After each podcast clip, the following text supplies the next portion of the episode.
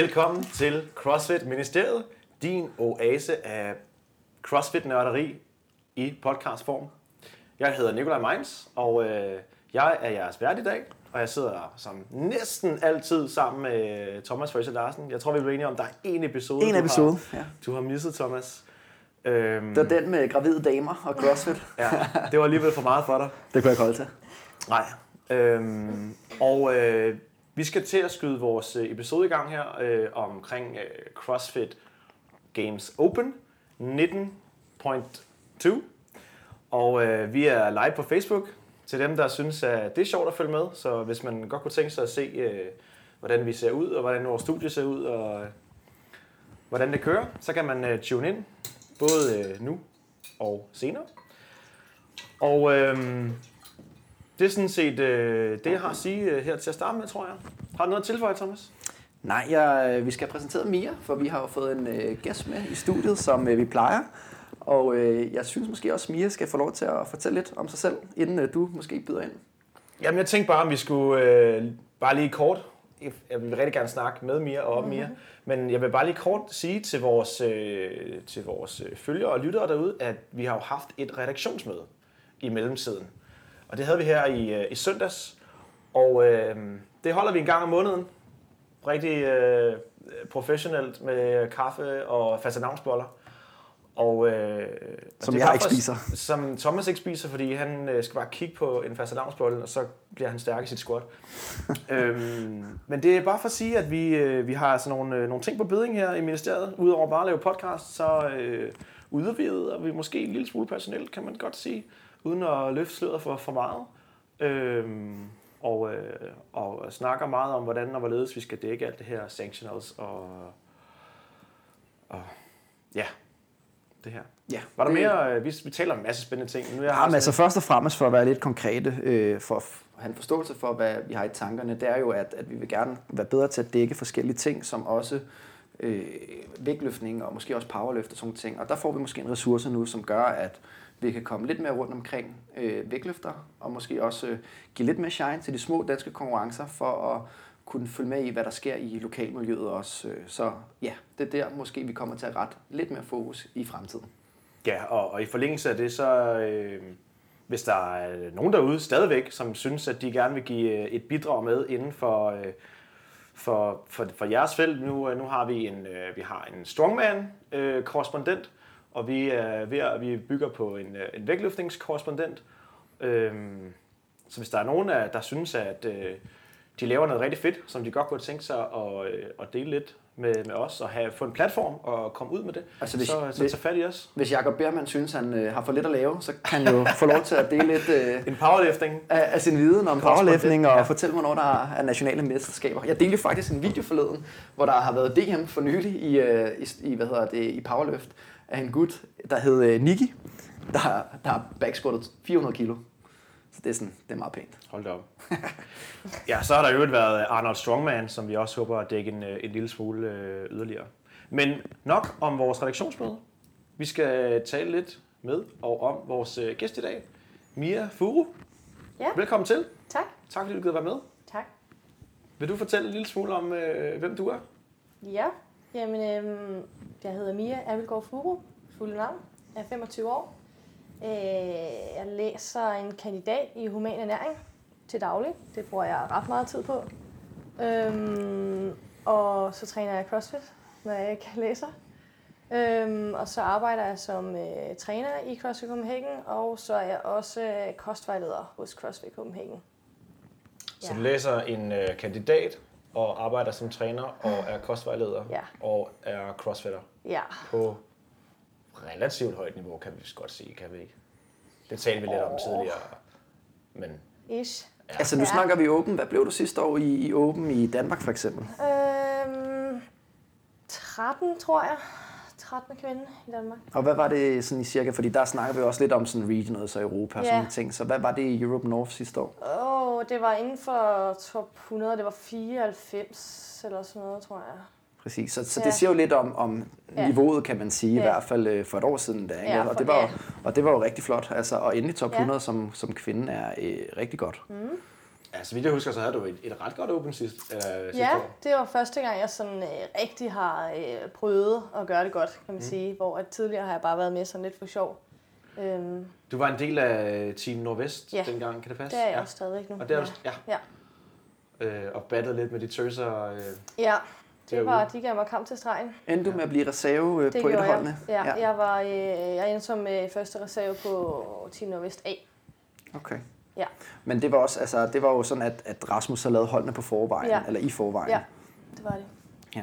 Det er meget sjovt, øh, når vi sidder og snakker her, så, så har Nikolaj og jeg været underviser i gamle dage i øh, Fitness.dk, før det hed SATS, og i Fields. Og øh, der, er der, havde vi, ud, ja. der havde vi øh, Mia gående på holdet, kan jeg huske, som en af Ja. de her holdkrigere her. Ja. Så, så det er ret sjovt at tænke tilbage på, at, Ja. øh, at der var du lige kom du fra din sådan, øh, gymnastiske baggrund og var god til at stå på hænder. Ja, der havde jeg aldrig nogensinde løftet en vægt før. Nej, der var helt tynde ben der. Ja, fuldstændig. Tynd, den, der er tyndere end nu, så øh, Jeg kan huske, jeg kan huske, at vi havde en workout, hvor øh, vi havde pistols, og, øh, og jeg tror, at du, havde ikke, du var lidt irriteret over dit hår eller sådan noget, så vi stod og lavede pistols, og alle folk væltede rundt, og kørte skaleringer og sådan noget. Mia, hun stod og kørte pistols, ah, så begyndte sgu bare lige at, sådan, at sætte håret op i sådan en hestehale midt, mens du stod og lavede pistols, der, som Ja, om det bare ja. var easy. Easy air squats. ja. Øh, ja det, var, det var en af de få øvelser, jeg havde lavet før, Ja. tror jeg. Ja. Øhm, skal, vi, skal vi lige vende din baggrund, fordi det synes jeg er Ja. ja. lidt relevant. Øh, Ja.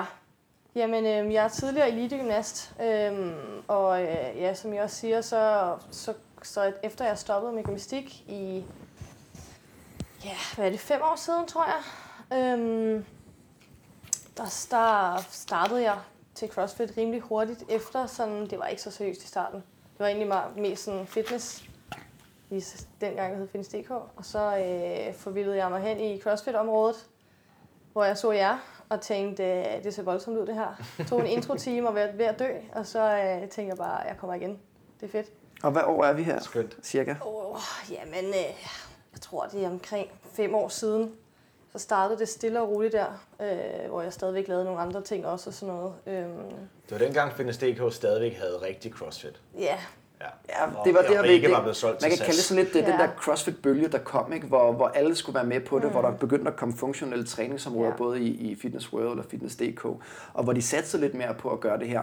Men udfordringen var jo lidt, øh, altså jeg blev ansat som træner lidt efter Nikolaj, og det var jo, altså det, de, de kunne fylde hold, hvor de havde sådan noget, ja det var sjovt, når jeg kom til træning, så var der en holdsal inde ved siden af, mm-hmm. som hvor de stod og lavede sådan noget øh, power fitness og ab attack, Ja. hvor de stod i 45 minutter, og så var der Ja, og, og Zumba for den sags skyld også. Ja. Og så var der jo fuld hold, der var også 20-25 mennesker, ikke? Mens at når vi stod og lavede CrossFit, så var der jo, vi havde to timer i træk, så var der alt mellem to og, og, og otte mennesker ikke, øh, på holdene. Og der kunne ikke rigtig, altså hvis der var 8-10 mennesker på holdet, så synes jeg ikke, der kunne være mange flere. Fordi det, der lidt var det sjove ved det, det var lige under, der lå sådan en skofus, så hvis man stod og lavede dødeløft eller et eller andet, og bare ramte jorden en lille smule, ikke, så rystede det og bimlede det i hele, i hele fields. Ikke? Mm. Så, så der kunne ikke rigtig være flere mennesker. Ikke? Men, så det er derfor, de måske har nedprioriteret det lidt. Ikke? I og med, at, at Det var at i hvert fald... Det, det, var det fylder svært- meget for få mennesker. Ja, det var svært at skabe den der øh, rigtige sådan, bokskultur, man kender, fordi man havde mange medlemmer, som kom ind, og så lavede de lige Zumba den ene dag, og så lavede de spinning den tredje, anden dag, mm, og så lavede de lige præcis. CrossFit, fordi Og så er det jo ressource, tabe sig, ikke? og så er det jo Ja, ressourcekrævende, ikke? Altså, du ved, prøv lige at se, så skal vi jo lige pludselig have en, en trappe, vi kan gå op og, og gå på hænder op af, og så skal vi lige pludselig have de rigtige vægtskiver og bumperplates, og så skal vi lige have de rigtige reb, der hænger, ikke? Og så, og det var meget altså, altså, simpelt dengang. Det var det. Ja. Jeg tror også, grunden til, at jeg flyttede til CrossFit Copenhagen, var bare, at, at jeg fandt ud af, at de havde jo hold hele tiden. Altså konstant fra morgen til aften. jo. Altså, mm. hvor at, øh, at det var måske to hold hver anden dag eller sådan noget i Fitness.dk, hvor Ja, det ikke passede ikke, af. rigtigt. Nej. Nej. Så det var sådan set grunden til, at, at jeg flyttede. Til gengæld huske, det var super god underholdning, når man havde, underviser havde sat øh, holdet i gang med sådan en uh, 20 minutters AMRAP, så kunne man sådan gå og kigge ind og spejle ved siden af, hvor det havde øh, karate fitness. på og- Avatar derinde ved siden Ja, det var, det var fantastisk. Ja.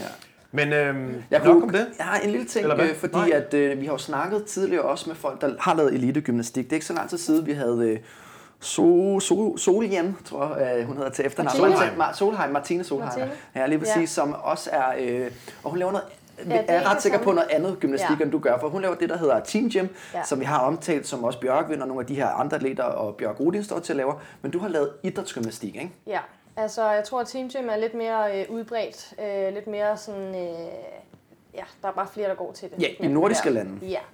Øh, idrætsgymnastik eller redskabsgymnastik, som det også hedder, er lidt mere sådan en niche ting. Øh, og det man ser til OL øh, med for pigerne, de her øh, fire redskaber. Øh, så ja, det er, noget, det er noget lidt andet. Der, bliver lidt, der er lidt færre spring, øh, og ikke nogen trampoliner, og ikke nogen tumblingbaler eller noget. Øh, Nå, okay, så det er ikke det, Simon Biles laver for eksempel? Jo, det er det. Altså, der er, en, det, er, det er et gulv, men der er ikke nogen fjeder i gulvet, for eksempel. Nej, okay. øh, og der er ikke på samme måde samme øh, ja, tumbling-muligheder. Men hun springer også over plint. Gør der, over hest. Ja, over hest, ja. Ja. Okay, hest, ja. ja, hest, bare bum og gulv er der for, for damer. Og så, Okay. har, ræk, eller, så har drengene så nogle flere redskaber, hvor der er bensving og ræk og sådan ting. Ja. Altså jeg vil faktisk sige til lytterne, at øh, I skal prøve at tjekke det ud, fordi at, at hvis man går op i gymnastik og, og gerne vil være bedre til, skulle jeg til at sige, den gymnastiske del af CrossFit, så er det altså nogle ret vilde mennesker, og det de kan i, i ringene også for den sags skyld, og, og i baren og sådan ting. Altså de, mm. de er fandme vilde. Hende, der, sig- altså Google Simon Biles, det er en sådan en lille mørk øh, kvinde, øh, og hun er 1,55 høj. Simon. Si- Simone, hun hedder Ja. Simone Åh. Simon. Er Simone Simone? Biles. Simon Biles. Åh oh, nej, det Simone skal, det skal, så Ja. Simone Jeg håber Biles. ikke, du lytter med, Åh, Simone. ja. Undskyld Simone Biles. Men hun er fucking vild. Ja, det er hun. Altså, hun og er også, mega øh, talentfuld. Der er sket lidt et skift fra, at man øh, er gået til at være sådan nogle helt små, bitte, bitte øh, små piger, som er bare rigtig tynde og altså, øhm, ja, meget børnet, øh, til, til Simone Biles, som er en powerhouse af dimensioner. Øh, I hvert fald inden for gymnastik, så det er virkelig dejligt at se, synes jeg.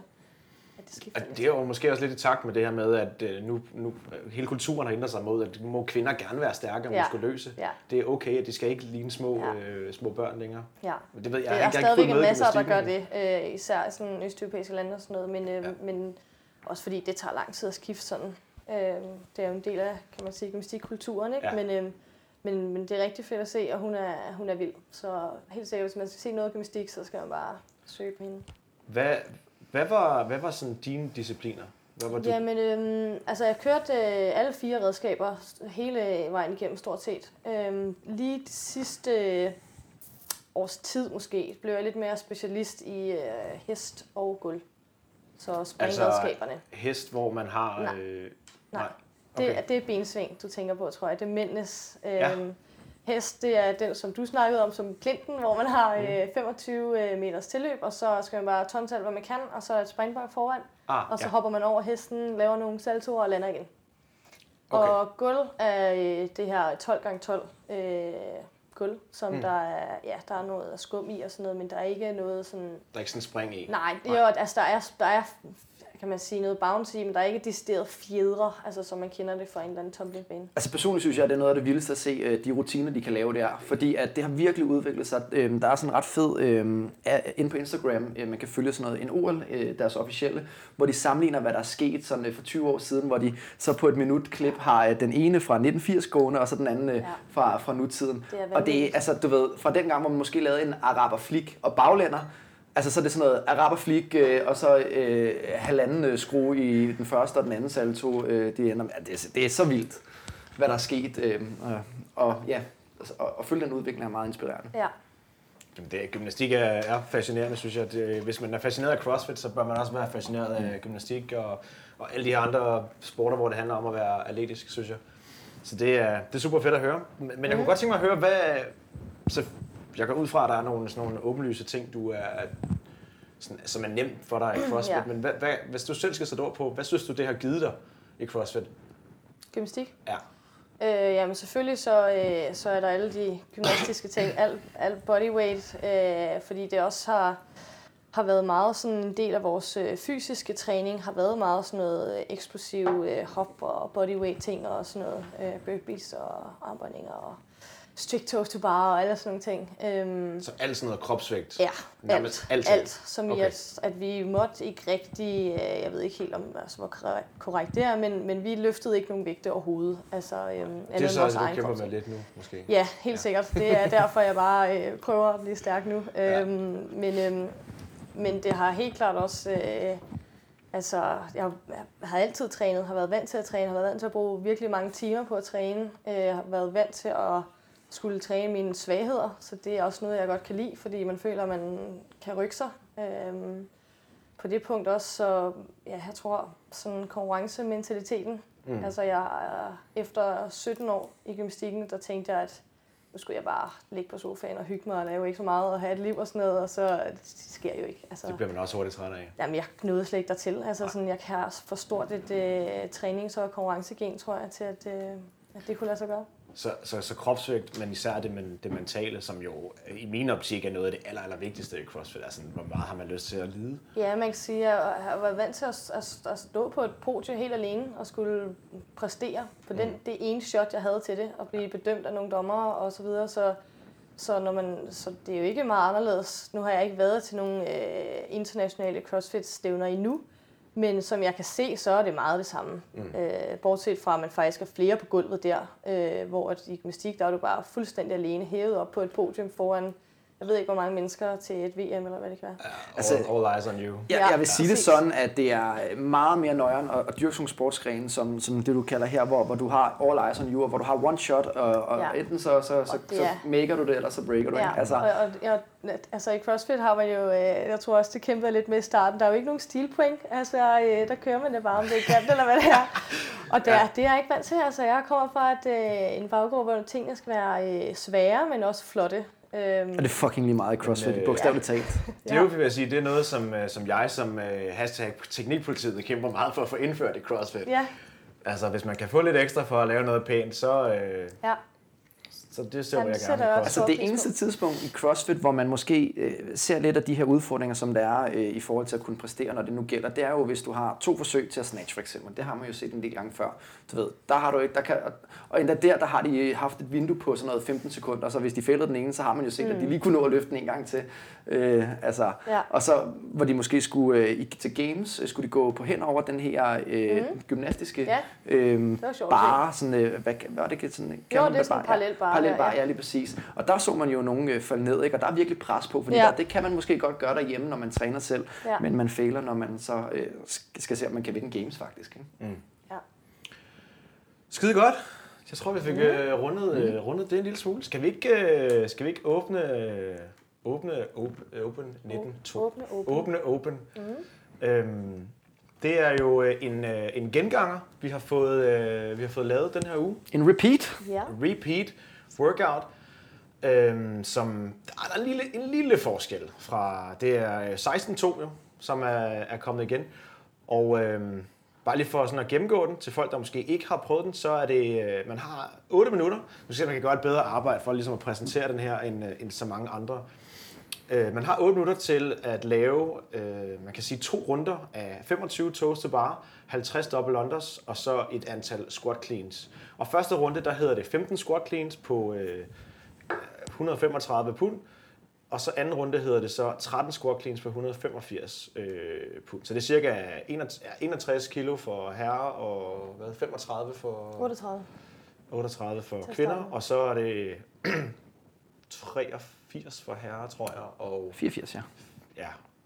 Og øh, ja. 52. 52 for kvinder. Det gør vi have dig med, Mia. Øhm, nå, men, men, men, men, men flowet er så sådan, at hvis man, hvis man bliver færdig med de her to runder inden for 8 minutter, så får man 4 minutter mere til at lave en runde mere med så 11 squat cleans, som bliver endnu tungere. Mm. Og igen, så, har, så får man så 4 minutter til det. Så får man ekstra tid til at lave en runde mere på 9 squat cleans, som igen bliver tungere. Mm.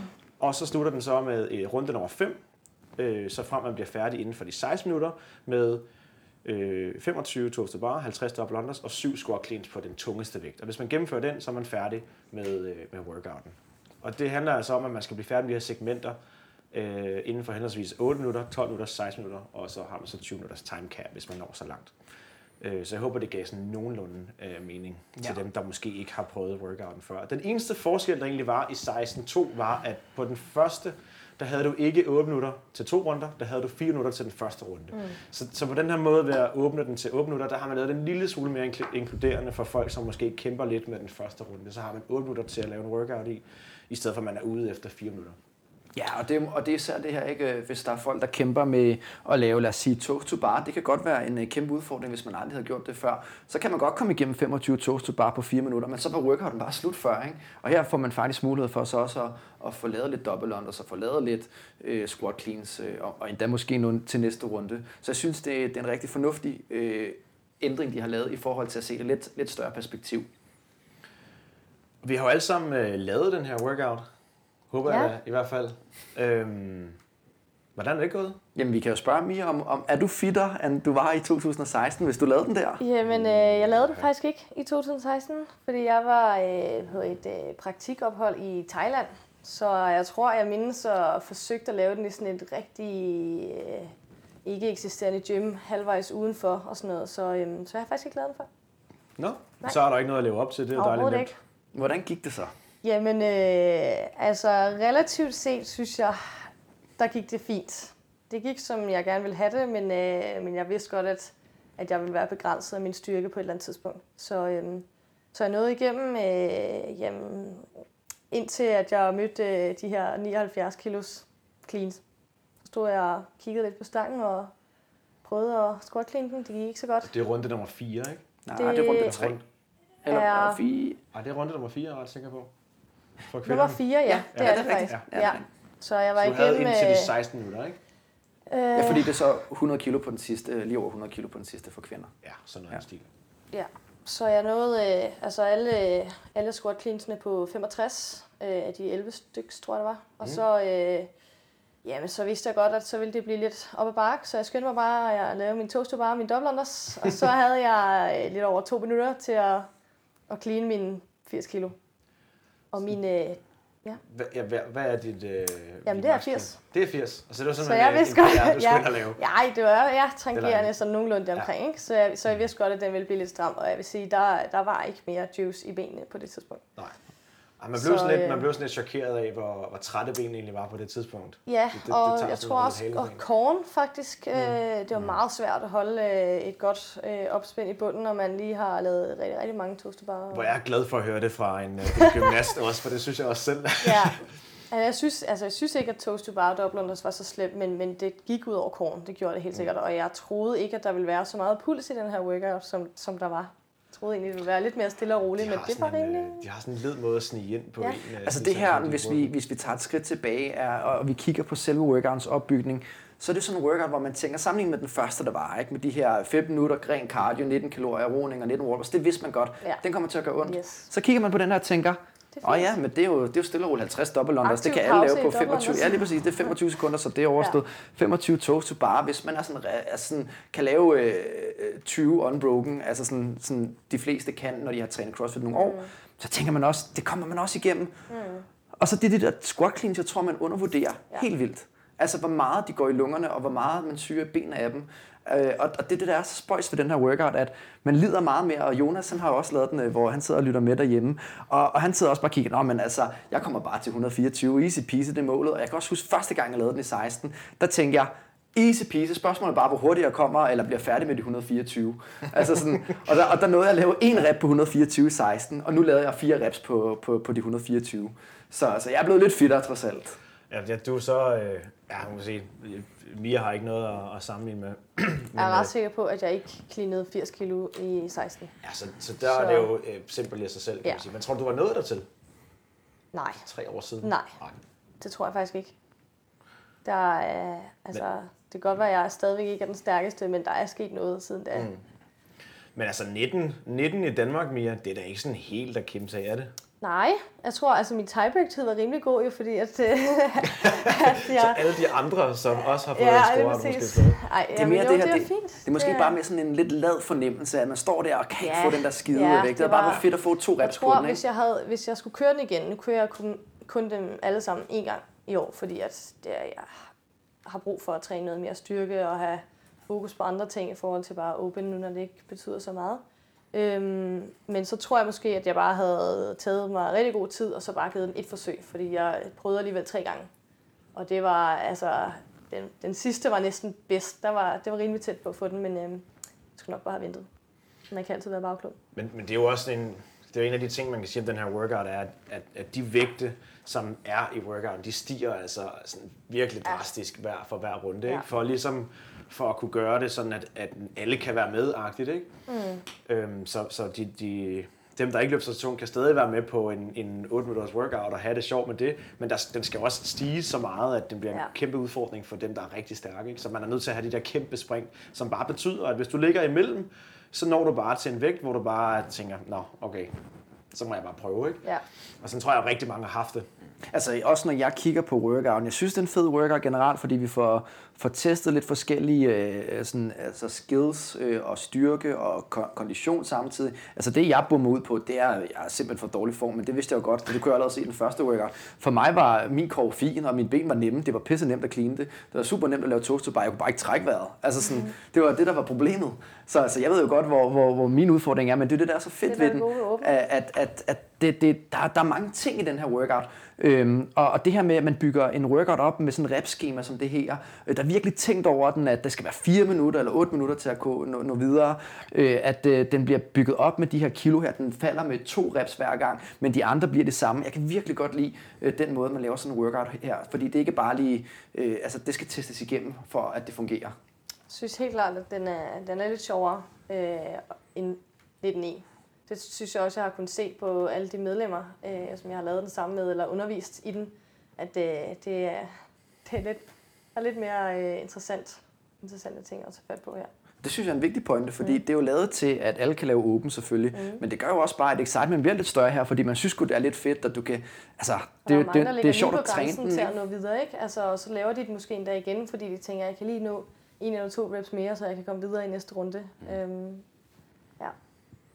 Er du blevet fedtere, Nikolaj? Det har vi jo ikke spurgt om. Hvordan gik det i Jeg er 16? nok en af de få, som ikke er blevet, ikke er blevet fedtere øh, på tre år. Jeg, I 16, der fik jeg, øh, der var jeg, jeg i Dubai, og der øh, trænede vi for at sende et hold til regionals, hvilket også lykkedes. Øhm, og der lavede jeg, der nåede jeg nemlig ind til vægten på 125 kilo for herre. Så det vil sige øh, tre runder, og så toast to bar og double unders, og så stod jeg også. Og så havde jeg 30 sekunder til at kigge på den der vægt. Gav den et forsøg. Vidste, at jeg kunne løfte den, sådan, hvis jeg havde været frisk, men jeg var bare for træt på det mm. tidspunkt. Øh, og det er jo super frustrerende, når man ved, at man sådan godt kan løfte den. Ikke? Ja, dit max var 140 kilo i clean på det Nej, tidspunkt. ikke på det Næsten. tidspunkt, Der tror var jeg. det Men ikke 130-35 stykker, tror jeg, jeg havde dengang. Ikke? Så, så, så teknisk set burde det kunne lade sig gøre, men jeg var simpelthen for træt. Altså. Kørte du den igen? Det gjorde jeg. Sammen med Philip, faktisk. Ja. Øhm, men, men jeg tror også, det der tror jeg også, der er mange, der er blevet overrasket over med den workout her, at når man kører den anden gang, så er kroppen bare så smadret, at, at man har det bare ikke i sig og, og mase igennem på samme måde. Det er ikke sådan en, hvor man bare kan slå hovedet fra og så bare pløje igennem, fordi du har bare brugt så mange kræfter på at løfte i vægte, og kroppen er bare træt, og du har bare ikke restitueret nok. Og det, det har jeg i hvert fald set mange eksempler på selv nede ude i, ude i gymsene. Øh, Thomas er jo Altså, jeg prøvede, jeg prøvede igen. Altså, jeg kørte den jo øh, fredag. Jeg kørte dem altid fredag og, mandag. Og det gør jeg simpelthen for at træne mig selv. Lige nu vil jeg gerne konkurrere igen, og jeg har fået øh, gnisten igen. Det er dejligt. Øh, så tænker jeg, nu vil jeg gerne altså sådan, du ved, øh, bruge det her som træning for, hvordan jeg skal lave sanctional qualifiers eksempelvis.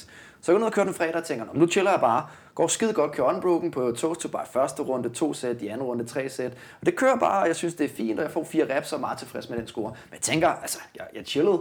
Jeg havde det hårdt, men jeg chillede lidt, og så kommer der lige en to-tre reps næste gang. Mm. Og så kører så mæser jeg på øh, mandag aften der, og jeg tænkte bare, hold da kæft, mand. Jeg kunne nærmest ikke køre en på de første 25 toast, så bare tænker, jeg var helt gasset. Kommer igennem øh, de 11 reps på, for os var det så 102 kilo. Og så prøver jeg at lave toast to bar igen, og jeg bruger bare så meget tid på at, at tage kald på at trække vejret. Så altså, du ved, der var bare slået, der var udsolgt. Jeg havde bare slet ikke det samme overskud, som første gang jeg kørte den. Og det ærger mig på en eller anden måde lidt, at jeg gik lidt mere all in første gang. Så. Men altså, sådan er hvad, det. Hvad kan man lære af det, Thomas? Fuld, fuld gas første gang. Ja, det kan man sige, men måske var det også fordi, at jeg, gas at, jeg, at jeg pacede den bedre første gang. Det er jo, det er jo altid det, der er så svært, fordi at... at Jeg vil sige, altså, jeg, vil sige, jeg, har, øh, jeg har rigtig tit øh, tidligere Open, i år kører jeg kun workoutsene en gang, også fordi det er bare øh, for sjov for mig i år. Men øh, tidligere har jeg øh, mange år også kørt den to gange, netop så kørt fredag og mandag, som, øh, som du gør nu. Og, og rigtig tit har jeg oplevet, at man faktisk rammer den rigtig, rigtig godt første gang. Og det tror jeg også er forskelligt fra atlet til atlet. Altså, nogen er bedre til ligesom at kende sin egen pace første gang, man rammer den. Øh, og måske i mit tilfælde ikke lige så gode til at presse sig selv anden gang, fordi jeg ved, hvor ondt det gør. øhm, men, men rigtig tit oplevede jeg faktisk, at min score ikke forbedrede sig anden gang. Øhm, og, og om det så er, fordi jeg ikke presser mig nok anden gang, eller om fordi jeg har ramt den lige i røven første gang, det er jo så svært at sige noget om, men øh, det gør i hvert fald Jeg synes i hvert fald, det var mega Altså, hårdt. min- min oplevelse jeg elsker er- kun at lave den en gang. Altså min oplevelse øh, er så, at, at halv, halvdelen af gangen forbedrer mig, og halvdelen af gangen gør jeg. Jeg forbedrer mig den første workout med 20 reps, det vil sige 30 sekunder cirka. Ja. Men det er også en workout, hvor du bare kan mase igennem, ikke? Ja, det handler om at lide. Ja. Øhm, og det, sådan er det bare i CrossFit. Øh, men hvis du konkurrerer, og du går op i det, ligesom jeg gør i det her åben, trods alt for min egen skyld og min egen udviklings skyld, så hvis jeg ikke havde gjort det to gange, så havde jeg ikke gjort, hvad jeg kunne. Og det er jo ligesom det, der er min målsætning. Ikke? Så det er jo måske også derfor, man skal lave den to gange, hvis man går lidt mere op i det, end bare hygger sig. Ikke? Men altså, jeg fik, øh, jeg fik fire reps på 102, og det er runde nummer 3. Og det er jo så øh, ja, syv reps plus øh, 25 toasted bar og 50 double unders fra min tre år gamle score. Så jeg er hverken øh, fitter eller stærkere. Men set i lyset af, at jeg lige har været, øh, jeg ikke har lavet crossfit en måned øh, nærmest. Jeg har været ude at sejle og været lidt rundt øh, og lave noget andet med arbejde, så, øh, så kan man ikke være helt utilfreds med det, tror jeg. Altså, det er stadig et udmærket niveau at holde. Så, så det er bare for sjov.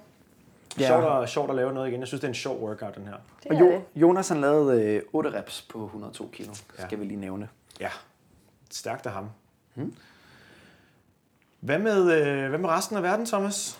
Jamen, vi øh, arbejder os lidt ned i, øh, i den lidt dybere øh, og måske lidt tørre del af, af, af, af selve udsendelsen. Men det er jo den, der er den væsentlige, når det kommer til stykket. Det er, at vi skal se, hvem der har vundet øh, workouten i verden. Der er ikke noget, der er officielt endnu. Og det er også derfor, når vi laver de her opslag øh, omkring, hvem der har vundet workouten, så kommer de altså først op øh, en 3-4 dage efter, vi har sendt den her udsendelse. Mm. Men øh, jeg bliver lidt glad, når jeg kigger på herresiden her, omkring hvem der ligger i toppen. Øh, Det er, hvis man går ind og kigger på leaderboardet og prøver at lave sådan en øh, søgning på, hvem der har vundet, så ser man, at de første 14 scores er sådan nogle noobs, der ikke kunne finde ud af at øh, øh, lægge den, den rigtige score op. At de uploader deres Øh, tiebreak ja. som, som tid for workouten. Så, Så, så der er nogen, der har lavet den på 5 minutter, hvis man kigger på den. Det tror vi ikke rigtig passer. Men det, der er det interessante, det er, at vi starter på herresiden. Der har vi øh, altså Rich Froning Jr. Uh, og, og det er altså he's fedt. back. He's back. Han havde ikke verdens bedste præstation, præstation i den første workout, men den her, den tager han altså sejren i øh, på, med, med en tid. For første gang er herrene kommet under 16 minutter. Han laver den på øh, 15.58, stadig uofficielt, men øh, vi, hå- sindssygt godt. vi glæder os til at se videoen af den, hvis øh, jeg tror faktisk, at man kan se den på YouTube, hvis man har lyst til det. Øh, men Froning, han øh, tager øh, som sagt øh, som udgangspunkt førstepladsen, og øh, I kan lige få lov til også at vide, at øh, i tilbage i øh, 2016, da han lavede den, der lavede han den altså på 17 minutter rent og tog andenpladsen der. Og det var så efter Ben Smith faktisk, som øh, vandt den workout på 16. 54 tilbage i 2016. Så de er altså blevet fedtere, de her mænd her. Og det er også ret flot at se, sådan som Rich Froning faktisk forbedrer sig med øh, over et minut i den. Ja, det er skræmmende, at Rich Froning kan blive endnu mere fedt, er det ikke? Det synes jeg. Men også fedt. også fordi, at i 2016, det var jo der, hvor han lige var stoppet med at konkurrere øh, individuelt, og der, må man jo, altså, der har han jo trænet meget mere målrettet efter at være god individuelt. Ikke? Og alligevel så er han blevet noget bedre. Han har altså haft en knæskade, som han først lige er kommet over. Ikke? Jeg synes, det er, det er jo kun fedt at se, at en mand, som har været på toppen af sit game, er over 30 år, som jo, du har jo dømt, at når man bliver 30, så er man ude, ikke Thomas? Den har, den har Ja. du kendt. Ikke helt, jeg er jo jeg er halvt år, ikke? så, er det jo, øh, så er det jo bare fedt at se, at, øh, at man kan stadigvæk kan blive endnu mere fedt. Altså det, jeg, jeg synes i hvert fald, det er så imponerende, at det her, at øh, når folk de går rundt og siger, ah, men jeg, altså, altså, og det må jeg også sige, nu kan det være, at mit perspektiv ændrer sig, når jeg selv bliver ældre her, ikke? At, at, at det, altså, ved, dem der, dem der brokker sig over, at de bliver ældre og ikke kan forbedre sig, det passer ikke. Det handler altså bare om, det er fandme hovedet, ikke? Altså, det er også det, Rich Froning selv siger. Hvor meget vil du det? Ikke? Altså, han vil ikke øh, konkurrere nok til, øh, eller træne nok til, at han kan konkurrere individuelt, men han har jo stadig iveren til at blive dygtigere som, altså, øh, for, for, for sin egen skyld nok. Ikke? Jeg vil bare sige, jeg synes, det er mega fedt at se Rich Froning på toppen af leaderboardet igen. Mm. Det, det er bare fedt at se, at han stadig er in the game. Og viser, hvem øh, who's the boss. Nummer to, og han slår faktisk øh, nummer to med en del, øh, som er Wellner. En del, jeg ved ikke om, øh, om fj- 13 sekunder er en del, men Wellner kommer ind på med 16-11. Og på tredjepladsen, der har vi så øh, den øh, nye konge af CrossFit, må man sige, øh, Fraser, som kommer ind på 16-28. Mm. Og han er også blevet, øh, ligesom, øh, det er ret sjovt, ligesom Rich Froning, lige præcis øh, et minut og øh, to sekunder bedre i øh, den her. Så det er lige præcis den samme forbedring, han har haft. Og Fraser er jo også omkring de 28 nu, så han er jo heller ikke en af de, de helt unge drenge i klassen længere. Mm. Øh, men det er det, der siger om øh, herre-leaderboardet. Hvis vi går over på kvinde-leaderboardet, og det er lidt interessant, og det har vi også snakket lidt om øh, indbyrdes her i CrossFit-ministeriet, det er, at kvindernes tider, de er bare noget hurtigere end de tider, som mændene præsterer. Der er en kvinde, der hedder Brooke Haas. Jeg er så god til navne her, øh, med dobbelt A. Brooke Haas. vores øh, udtale ekspert. ja, det er god underholdning. øh, kommer ind på 14.01 øh, uofficielt, og det vil sige, altså, øh, øh, og det er ret vildt, det er så tæt på, at hun bryder øh, 14 minutter. Ikke? Altså, det, der er ikke langt ned til 13.59. Ja, to sekunder, det giver sig selv. Brooke Wells, som øh, var den, der øh, var i toppen af leaderboardet i 2016, kommer ind på 14.20. Og det, der er imponerende ved hendes score, det er, at altså, hun forbedrer sig fra øh, 16.05, som var den bedste tid dengang, til at lave den på 14.20. Så det er en, øh, en vild forbedring, må jeg sige. Ja, det bliver spændende at se, om hun... Øh, jeg sidder hver, hvert år, så sidder jeg og kigger sådan lidt på Brooke Wells og tænker, i år er det hendes år. Mm. I år er det hendes år. Og, og det, hun får aldrig rigtig sådan helt helt trumfet igennem. Det er ligesom vel? gymnastikken lige mangler. Hun skulle ja, have nogle mere skulle undervise lidt. Det, ja. det kan være. Det er hendes år i år. Hun ringer bare. Og, øh, og så har vi det flotte navn Candy. Man skulle tro, det var... Nej, det er måske at passe på med at komme en sjov øh, kommentar. Candy, Candy Riffle. Men prøv at høre det. Candy Riffle, ikke? Altså, oh, man må gerne, man må gerne. Det er de altså, amerikanere, de forstår ikke, hvad vi siger. Sukkerpistol. Øh, der... Ah, ikke ah, okay. rifle. Candy Rifle. Sukkerpistol kommer ind på 15.08. Og det er lidt sjovt at se, fordi det er næsten et minut langsommere end øh, nummer 2 og 1 her. Så, øh, så det er vores øh, kvindelige øh, top 3. Og ja, Nikolaj, har du måske, jeg ved ikke om du har en kommentar til, hvordan det kan være, at der er så stor forskel på, øh, på mændenes og, og kvindernes tider. Øhm, De er næsten ja, to minutter hurtigere. Det har jeg faktisk siddet og kigget en, øh, en lille smule på, og det var lidt det samme, vi så. Vi så det jo i 16.2, og der kan jeg nemlig huske, at det var, det var noget, jeg, jeg begyndte at tænke over. Altså, så jeg har bare lige sat mig ned for sjov og prøvet at se, sådan, hvad er kvindernes vægt egentlig i forhold til herrenes vægt. Og normalt så arbejder man jo øh, ud fra et princip, der siger, at man, øh, man, man har en, hvis man har en herrevægt, så har man øh, kvindernes skalering eller vægt er så cirka 70 procent af det. Mm. Øhm, og det viser sig så, hvis man, hvis man lige sidder og gør tallene op, at sådan den gennemsnitlige øh, skal man sige, skalering til kvinderne er sådan cirka 63 procent, hvilket er lige i den lette ende, vil jeg umiddelbart sige. Hvorfor man har valgt at gøre sådan, det kan jeg ikke, det kan jeg ikke helt svare på. Øh, måske har man vurderet, at, at herrerne sådan generelt er stærkere relativt set end kvinderne. Men, øh, men det er i hvert fald, der er i hvert fald nogle kvinder, der modbeviser det, fordi de, de, de slutter altså noget hurtigere end, øh, end herrerne. Ikke? Hvad er forskellen på Brooke, Brooke Haas og Rich Froning? Er det halvandet minut cirka? Ja, det, nej, det, er, det, det er jo næsten to minutter. Ikke? Den hedder 14.01, og så hedder den 15.58. Det er meget. Ja, det er to minutter. Det er ja. rigtig meget, mm. når vi snakker elite crosser. Ikke? Ja. Altså, det er jo, ja. Lige præcis. Så hvis uh, øh, HQ skal lære det, det, så er det altså, at kvinderne i CrossFit er blevet lige så stærke som mændene, relativt set. Så vi kan godt bombe den op til 70 procent, så det ikke har altså lidt igen. Fedt. Ikke mere? Jo, men det er jo, men det, men det, men det er faktisk en interessant debat, hvis man lige skal tage den for, altså lidt, lidt øh, altså sådan, kigge på et overordnet billede, for det kan jo godt være, at øh, de kvinder, der er rigtig stærke, er bare rigtig meget stærkere end alle andre kvinder. Mens måske også herrerne, der er øh, niveauforskelle på styrken ikke lige så stor, øh, fordi at det måske er nemmere for den gennemsnitlige mand at bygge styrke.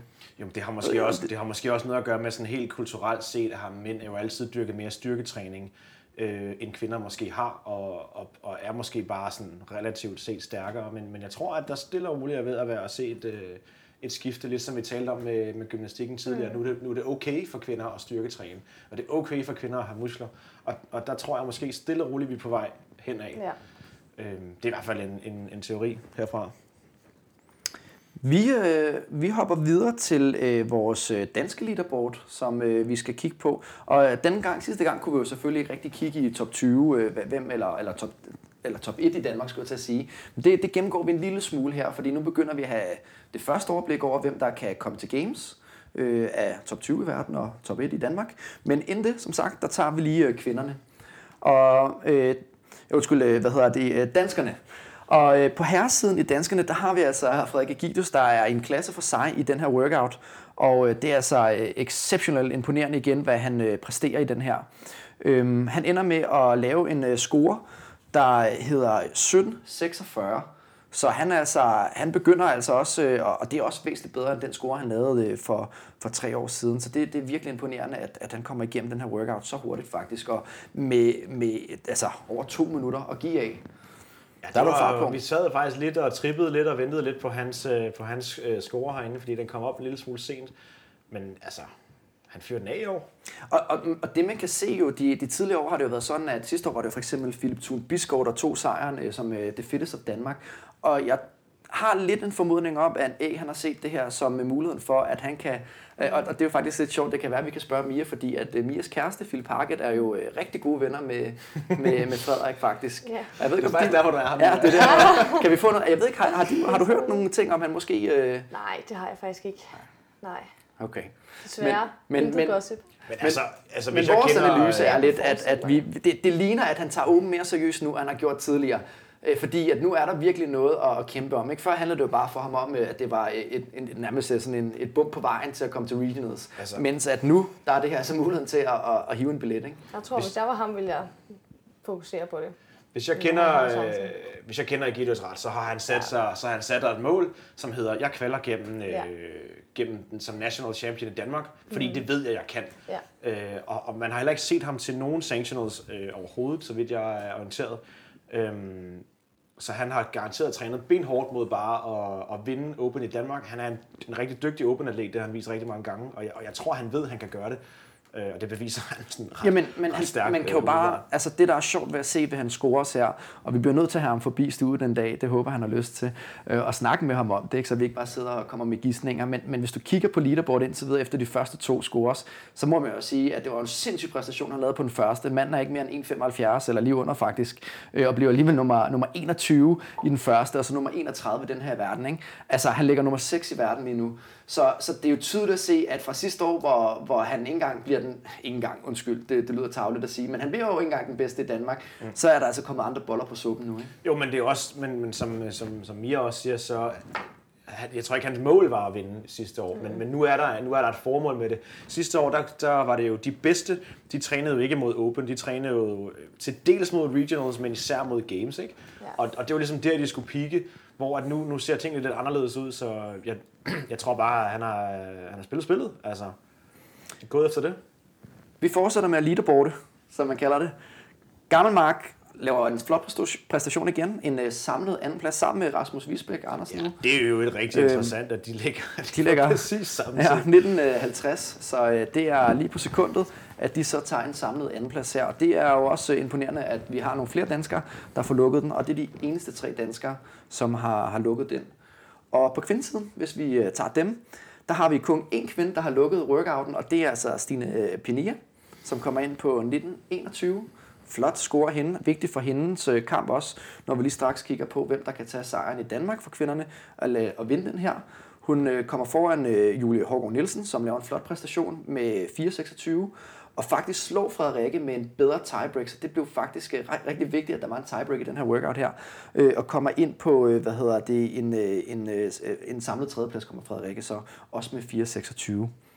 Ja, til dem, der ikke... Øh, nu har vi selvfølgelig snakket lidt om hende herinde, men til dem, der ikke lige ved, hvem Stine Penia er, så er hun jo vores øh, udenlandsdansker øh, på kvindesiden, som vi faktisk har været haft øh, inde forbi studiet og, og tale lidt om, hvad, hvad hun er for en. Så hvis man er interesseret i at se, hvad, hvad hun er for et bedst, så, øh, så kig lidt tilbage i vores episoder, så, så finder I noget omkring, hvad, hvad, hvem hun er. Og jeg har en fun fact. Det er, at, øh, og hun blev også nævnt sidste gang, men det kunne jeg ikke lade være med, når jeg sad og researchede lidt på det her. Det var jo, der var et dansk ansigt, der dukkede op i 2016, som også færdiggjorde workouten dengang. Mm. Og I har sikkert gættet det. Det er Julie Appelgaard, og øh, ja, hun har så slået de andre danske kvinder også øh, med sin tid på fra, øh, fra 2016 på 18.55. Så vi tør slet ikke tænke på, hvordan det var gået, hvis øh, hun havde fået lov til at lave den igen, hvis hun havde kunnet træne, som hun gjorde. Så det er bare en, det er en sjov fun fact her. Ja, vi kan altid tale om Julie Appelgaard. Ja, det- det, er, det er dejligt.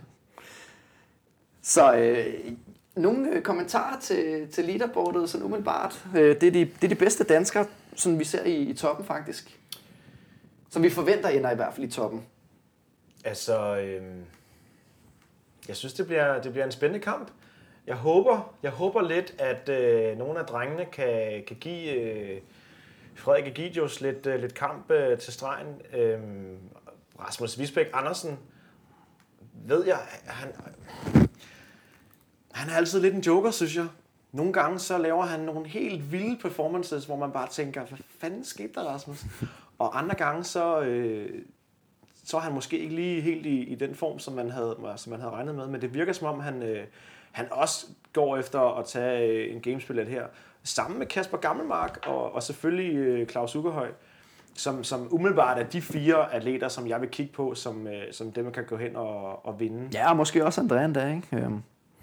Jo, André Houdet selvfølgelig, som, øh, som vi havde, øh, som vi snakkede en, en del om i forhold til vores dækning af Fittest in Cape Town, hvor han gjorde en rigtig, rigtig god figur dernede. Øhm, men altså med en 10. plads og en 8. plads, så, så er han altså et par point bagefter, mm. øh, i særdeleshed Frederik og, og Kasper. Så det, der, der skal altså trækkes nogle, nogle førstepladser der, fordi jeg tror, det bliver svært at hente så mange point. Altså Frederik og Kasper, de kommer ikke til at sætte så mange point til. Nej, det der er lige nu, det er jo Frederik og Kasper, der ligger med henholdsvis to og fire point ja. i den nationale score, så det, det er jo især dem, der kommer til at kæmpe om det. Et lille shout-out skal der også være til Kasper Gammelmarks træner, øh, træningsbody, øh, Niklas øh, Grymen, som jeg også har konkurreret en hel masse gange øh, imod, og begynder efterhånden øh, med et lille breakthrough her. En flot øh, samlet tredjeplads indtil videre, og Julian øh, kan man også se har forbedret sig øh, indtil videre i de første to workouts her, øh, og ligger på en femteplads. Så det er dem, der er værd at nævne, som øh, stikker ud lige nu på det danske leaderboard. Ja, jeg så, øh, jeg så faktisk Julian lave den øh, nede i, i, i Butchers Lab øh, forleden, og han, øh, han havde et mål om at nå igennem de, øh, de 125 og nå til den til runde nummer 5, og det, og det mål indfriede han, og det tror jeg, han var rigtig tilfreds med. Så. Ja, for han fik ikke nogen øh, reps på den efterfølgende. Ej, han var, øh, Men han, han kom var, igennem, han var det var presset flot. på det tidspunkt, lad os bare sige det som. Det tror jeg også godt, Julian kan ikke genkende det til. Om det er stadig sindssygt flot at komme øh, til den sidste. Det vil også være, hvis jeg, altså det vil være også have været mit mål, hvis jeg havde, havde trænet efter det. Det er, synes jeg er meget imponerende, når man kommer så langt. Det må jeg, det må jeg sige. Så shout out til, til ham for det. På kvindesiden, det kan måske være, øh, det kan måske være, du kan sige lidt mere med om, øh, om det, Mia. Har du nogle kommentarer umiddelbart til, hvordan du synes, det ser ud? Der er mange nye navne. Ja. Ja.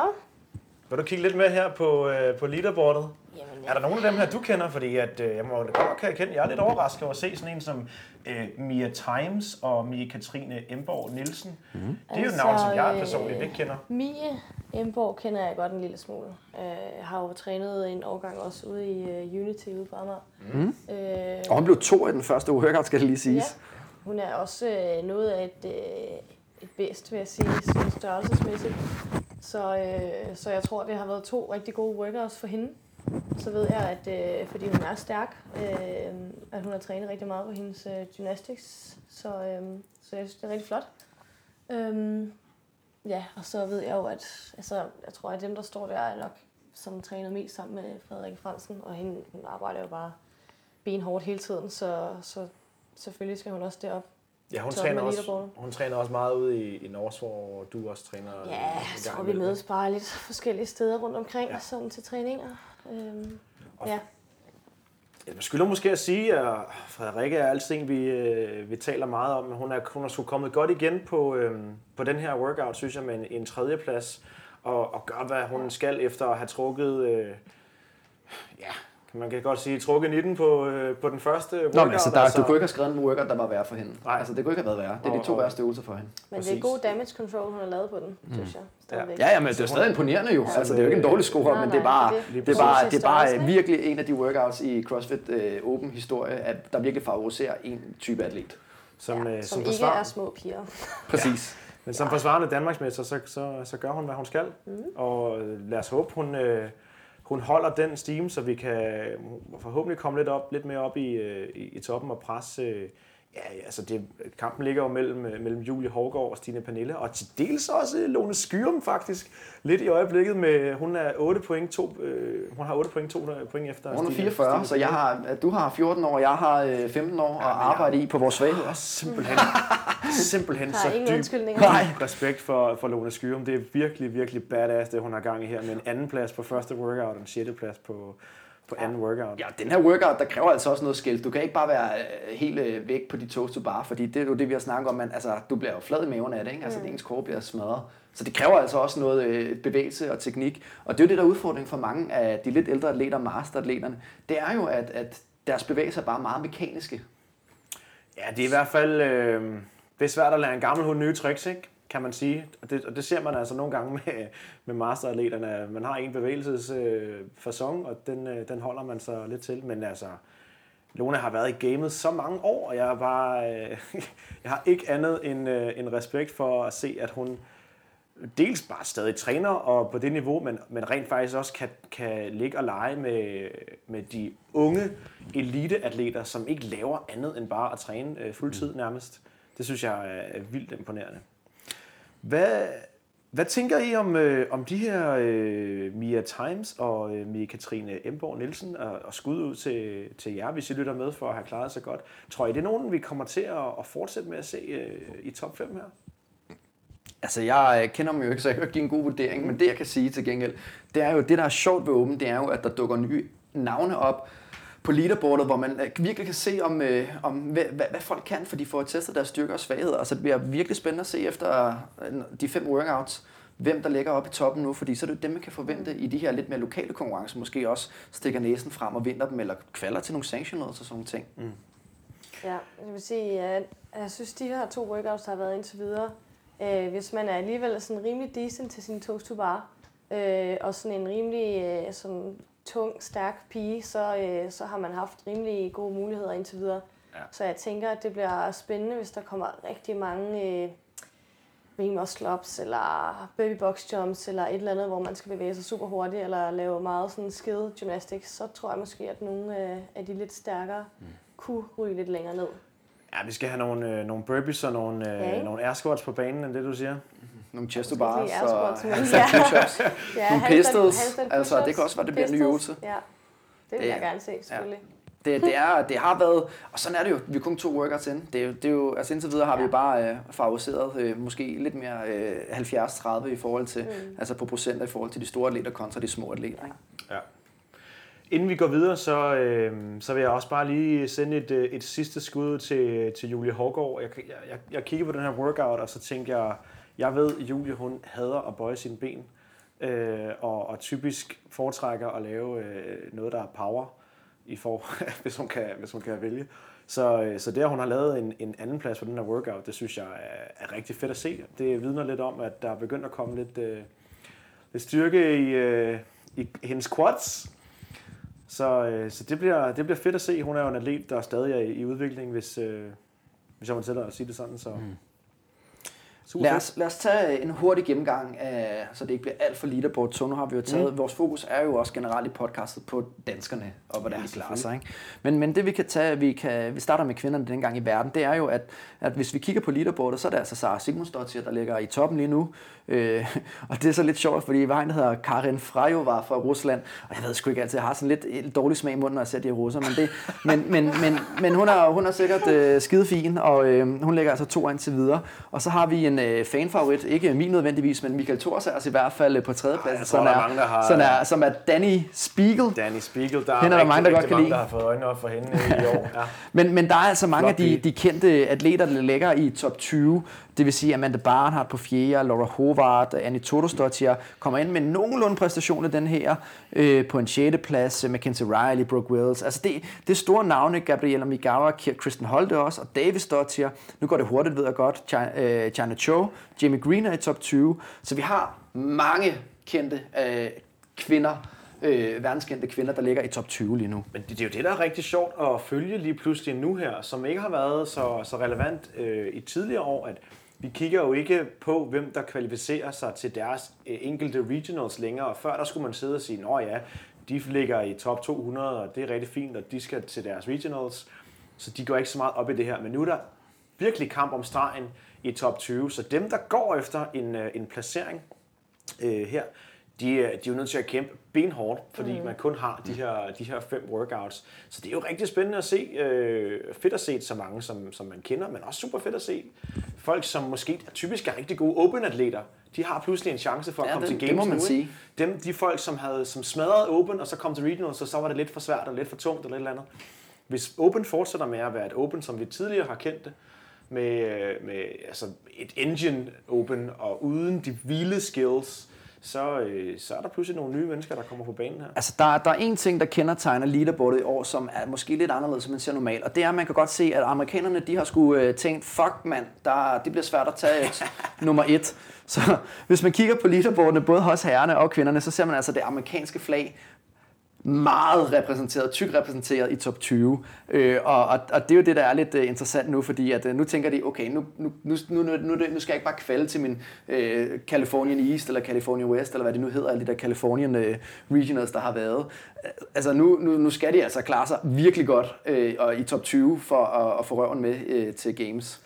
En, en, en lille ting, jeg byder mærke i, som jeg synes er super sjovt at se, er faktisk jo øh, vores veninde, Ravn Heidu og Sara Sigmundsdottir. Jeg ved ikke, om jeg udtalte det rigtigt, men jeg gjorde et forsøg i hvert fald. Øhm, som jo lige har vundet Strength and Depth. Mm. Og dermed kvalificeret sig til Games. Hun behøver slet ikke at lave Open, men hun ligger altså etter alligevel. Ja, det Øhm, der er altså der er noget, øh, noget ild i, øh, i Sigmundsdottir i øjeblikket. Og man skal selvfølgelig også huske at tænke på, at, at den placering, som de kommer, øh, de bliver seedet efter til, øh, til Games, er jo open. Så selv hvis man kvalder, så giver det mening at lave open. Men man kan så argumentere for, at man behøver måske ikke at vinde det. Det kan man så også bare gøre, hvis man kan. Øh, men, øh, men i hvert fald... Vinder øh, man fedt. penge i år i Open, ved I det? Det har jeg faktisk ikke fået tjekket. Oh, det det gjorde man jo have sidst, undersøgt. de Det skal sidste par år. Det skal vi lige undersøgt. Det kan jo godt være, at hun tænker, at det er de nemmeste 3.000 dollar i hendes liv. Nej, jeg synes, det, det er hårdt kæmpet, hvis man vinder Open. Jeg kan ikke sige, det er nemt. Nej, det er nok det Nu sværeste er hun jo 3.000 i dollars. form alligevel, så kan man lige så godt bare tage den. Det er jo bare open jo. Ja, Altså, det, det er sgu fucking blæret at vinde Open, det må jeg sige. Altså, det, og det er fedt, at det nu har en betydning, hvor man sådan tænker, okay, nice, du vandt det. Ja, ja. Vi skal lige runde af øh, med herrenes øh, top 20, og, og de, det der er lidt sjovt, det er, at vi har øh, to amerikanere, der ligger toppen. Zachary Buntin med nummer 1. Han ligger faktisk kun med 29 point ned til Jason Carroll. Han, han er ganske kendt øh, på 41 point. Og så har vi ellers øh, nogle andre også øh, sådan okay kendte navne. Alex Mignot, øh, Travis Mayer, øh, Bjørkvin, Frederik på 6. pladsen, som er nævnt tidligere. Som Og er det meget, danske flag på den Ja, det er, altså, det er altså flot at se så højt oppe. Og øh, ja, så, så har Lukas Høgberg lægger sgu også godt til, og en, der også er lidt sjov at se, som, øh, som jeg har fulgt lidt, bare fordi han er fra Sverige, er Simon Mantula, som øh, altid har haft lidt svært ved at, at rigtig slå igennem til regionals, når han har været med der, men øh, er, er en helt vildt dygtig øh, atlet også, og det viser han jo også med at lægge nummer 12 samlet lige nu, og Fraser nummer 13, det må være sjovt at se sit navn ved siden af Fraser der, ikke? Så vi har altså øh, øh, nogle, øh, men vi har flere ukendte navne på herrerne øh, lige nu i hvert fald, som vi ikke kender så meget til, sammenlignet med kvinderne, hvor det mere eller mindre oh, er men- tidligere men- gamesatleter. Jeg, vil sige, jeg tror mange af dem, selvom der er nogle af dem, vi ikke kender, så synes jeg også, der er nogle af dem, jeg genkender som, øh, som regionals atleter, ikke? Mm. Som, er, som er de her, som, som jeg nævnte tidligere, som måske er rigtig gode til Open, øh, og som måske lige har skruet en tand op, ligesom vi talte om, at Frederik måske har gjort i Danmark, mm. så har de tænkt, det her det er altså vores, øh, vores chance nu. Øhm, så det er jo ikke, fordi det er no-name atleter overhovedet, nej, slet ikke. men, men det, vi har måske bare ikke set dem til games før, fordi de er blevet sorteret fra gennem regionals tidligere. Det sidste, vi lige skal nævne i forbindelse med verdensleaderboardet, det er jo selvfølgelig, at øh, Kasper Gammelmark gør det altså også ganske udmærket på verdensleaderboardet, når han ligger nummer 28. Øhm, Så det er jo faktisk lidt sjovt, at, at det, jeg ved ikke, om det kan være en smutvej for ham, hvis han ikke øh, kan vippe Frederik af pitten, men det er jo faktisk en reel mulighed, når han stadigvæk kun ligger 8 pladser fra top 20. Ja, jeg, det, jeg synes lige, øh, det vil selvfølgelig være rigtig, rigtig flot, men, men sk- vi skylder lige at sige, at øh, hans 28. placering er også kvæg en rigtig, rigtig stærk placering i den første workout. Nummer to blev han 123, og det er desværre en lille smule højere end de andre, som vi ser i top 20. Så han skal have nogle gode øh, resultater, men, øh, men det er rigtig fedt at se, at han ligger så, så højt indtil videre. Det håber vi at selvfølgelig, at han kan holde.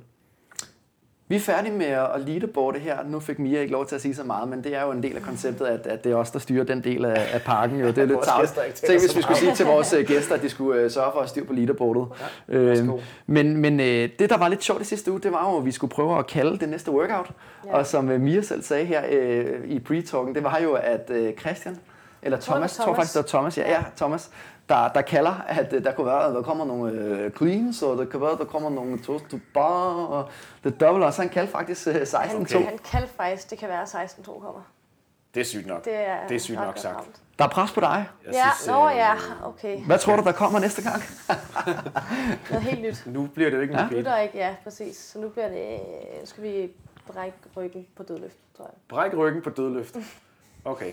Jeg Så håber ikke- jo, der kommer noget muscle ups eller et eller andet, men, øh, men det bliver sikkert, eller det kan faktisk godt være, der bliver en Der stor har jo blanding. ikke, Der har ikke været ring muscle ups de sidste par år til, øh, til Open. Og der var sidste år, Det hvor det var var der faktisk kombineret med bar muscle ups Ja. og ring muscle ups Ja. i samme workout. Der. Det var der faktisk. Ja. Ja. Den med dobbelt unders. Rigtig Nikolaj var ude at sejle. Det er rigtigt. Nej, nej, nej, jeg lavede den, jeg lavede den. Jeg var bare så utrolig ringe. Jeg, Ja, ring muscle ups. Ja, fordi der var for mange double ups. Nej, jeg lavede ring Nå, ups. okay. Hold kæft, Thomas. Så okay, undskyld. Men øhm, Ja, eller dødløft pistols og måske. muscle ups og Du pistols. siger, at jeg var en masse øvelser. Ja, vi skal jo have en ny, vi skal jo kalde en ny øvelse i år. Og Jonas, han tror, der kommer strict handstand push-ups, og jeg krydser mine hænder og ben for, at der kommer pistols. Jamen, jeg tror også, der kommer pistols. Ja. Sidste år var det jo handstand walk, vi så jo, som var øh, helt ny. Men i forlængelse af, at man så handstand walk sidste år, ville det så ikke give meget god mening at have strict handstand push-ups i år? Men man plejer jo også at sige, Ja, ja, man kan, ved ikke, det, jeg ved, ikke, det holder nok ikke så, så meget længere, men, øh, men det har typisk været det, som man har testet til regionals øh, flere gange. Det implementerer man ligesom i andre øh, af de her processer her, ikke? Så det er begge to gode bud. Pistols, Altså- og det kan også være dumbbell overhead squats. Altså mit bud er, at der kommer dumbbell, øh, noget med dumbbell næste gang. Fordi det har vi ikke set de første to, og det er virkelig en, noget, der har været implementeret som øh, to Ja. ud af tre workouts indtil videre. Så sandsynligheden for, at der kommer dumbbells Ja. er ganske stor. Det tror jeg også. Spørgsmålet er bare måske, der kommer dumbbell thrusters som en ny øvelse. Det har man jo ikke set Det før. gad jeg godt se. Det kunne godt Det er en komme. fantastisk øvelse. Ah, fucking hård. Ja, præcis. Men den, den kunne godt komme. Så vi... Øh, Det tror jeg også. er budet noget jeg med tror, noget- Dumbbells, noget med dumbbells. Dum- Mia, vi skal have, vi skal have noget mere konkret. Nej, det kan jeg ikke give. Den er kald nu. Øhm, ej, kald, kald, kald noget konkret, så kan vi altid... Tænk, tænk hvis du rammer den. Skal, er det en, øh, To øvelser. Er det en, øh, en chipper, en couplet, en triplet? Jeg tror, det er en chipper.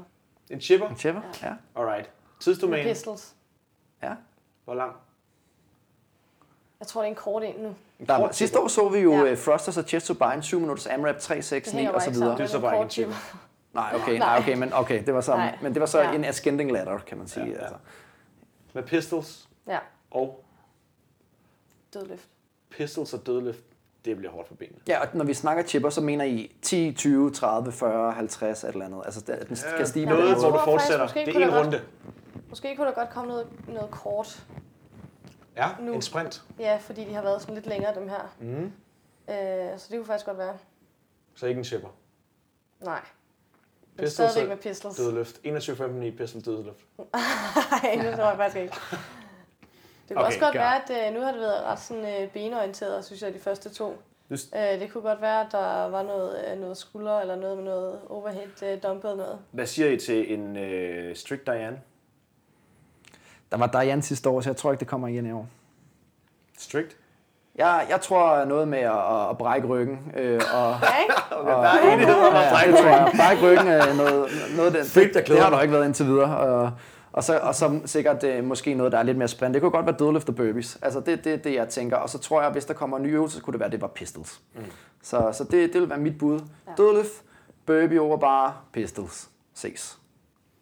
Ja, jeg håber på noget gymnastik indimellem. Jamen, det håber jeg. Det er jo ikke det spørgsmål, bare. Jeg håber på, at den består af ren gymnastik, ikke? Men, øh, Jo. men jeg tror, at det bliver... Handstand øh, hold for time inden for, øh, øh, og det skal være inden for en boks af 20 cm, så man ikke kan Yes. bevæge sig. Det vil være rigtig godt for mig og Mia. Vi, øh, vi må vente og se. Øhm, jeg hader at, at gætte på de her ting, fordi det er der Der er ingen grund heller til. ikke nogen grund til. Nej. Det er bare vente og se. Vi har, øh, vi har et sidste indslag, vi lige skal runde, og øh, det er jo vores konkurrence. Vi har jo Yay! lavet, øh, ja, vi har lavet en konkurrence i, øh, i samarbejde med øh, crossoutfit.dk øhm, om et par valgfri high-lead shorts eller tights. Og øh, vi har jo faktisk haft et par high-lead shorts, som vi har øh, testet, for ligesom at kunne sige, at stå inden for det, vi, øh, vi udlover. Og jeg vil bare sige, jeg synes fandme, det er nogle lækre shorts. Er Jeg det ved- squat approved? De Ja, er det er squat de. er både stretchy, og de er sådan, der er gode lommer i, og, og God numse i. god røv. Følger den med? Jamen, vi gør det uden tvivl. Øhm, og øh, konkurrencen bestod i, at man skulle øh, dels følge Cross Outfit på Instagram, og øh, så skulle man komme med sit bud på, hvem der bliver fittest man in Denmark 2019 øh, på enten Facebook øh, eller Instagram. Og øh, vi kørte sådan helt øh, low-key her. Altså jeg har legnet dem alle sammen op i, øh, i et Excel-ark. Og øh, så synes jeg, Mia, du skal få lov til at trække et nummer mellem 1 og 44. Og øh, 38. okay, det var hurtigt. 38. Det bliver Niklas Johansen, som mener, at Fittest Man in Denmark 2019 bliver Frederik Egidius. Det er jeg glad for. Der var en, der nævnte mit navn, og det var helt pinligt. det er jo primært Kasper Gammelmark og Frederik Egidius, der er blevet nævnt i den konkurrence, som er meget forståeligt. Ja, og andre bud er jo selvfølgelig, øh, altså Rasmus Vigsbæk bliver jo nævnt et par gange, og øh, Julian blev også nævnt. Julian er også blevet nævnt. Øhm, men altså, jeg tror da ikke, at Frederik Egidius er et dårligt bud. Det stemmer meget godt overens med det, vi har talt om lidt herinde mm. i, studiet. Så stort tillykke til, øh, til Niklas.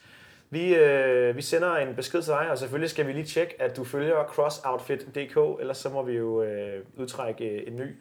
Men øh, det, var, det var sådan set det, vi, øh, vi havde for i dag, tror jeg.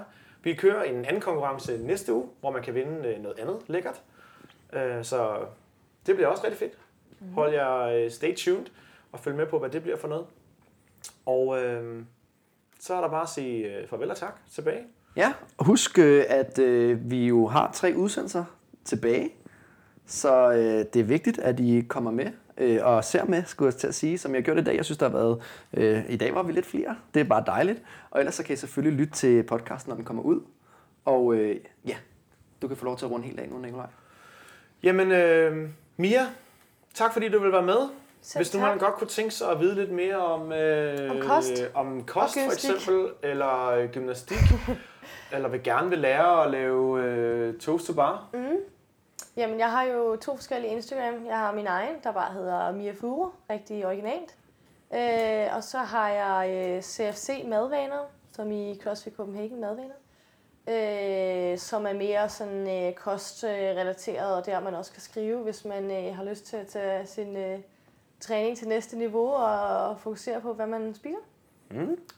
Mm. Så det er de to steder, Ja. man kan finde mig. og ellers nede i, øh, er det CFC-boksen? Ja, på Amager generelt mest. Nej, jeg er selvfølgelig også, ligger jeg er selvfølgelig også ude, øh, ude ved Nordvest i trykkeriet en gang imellem. Ja. Øhm, men ja, mest i boksen på Amager. Mm. Og Thomas? Det er thomastraining.dk, eller på min Instagram, Thomas Frosix. Mm. Og der er gang i butikken, kan jeg forstå. Ja, jeg har fået en del øh, klienter, atleter også, øh, som jeg hjælper med at blive dygtigere. Også øh, noget af det, jeg synes, der har været det fedeste at arbejde med, det er øh, at arbejde med en relativt dygtig kvinde øh, i forhold til at blive bedre til gymnastik. Øh, det har været super fedt, og det er fedt at se, hvordan folk kan rykke sig med det. Så det, hvis man har svært ved at lave chest to bar og bar muscle ups og, og handstand walk og hold, så sig til. Fedt nok. Og man kan følge mig på øh, Flyings på Instagram, øhm, hvis man har lyst til at følge min træning, som er sådan lidt øh, kreativt nogle gange, i og med, at jeg sejler rundt ude på, På en- søen. På en båd. Så er det på øh, Sailor World, og øh, jeg laver hverken kostplaner eller øh, personlig træning.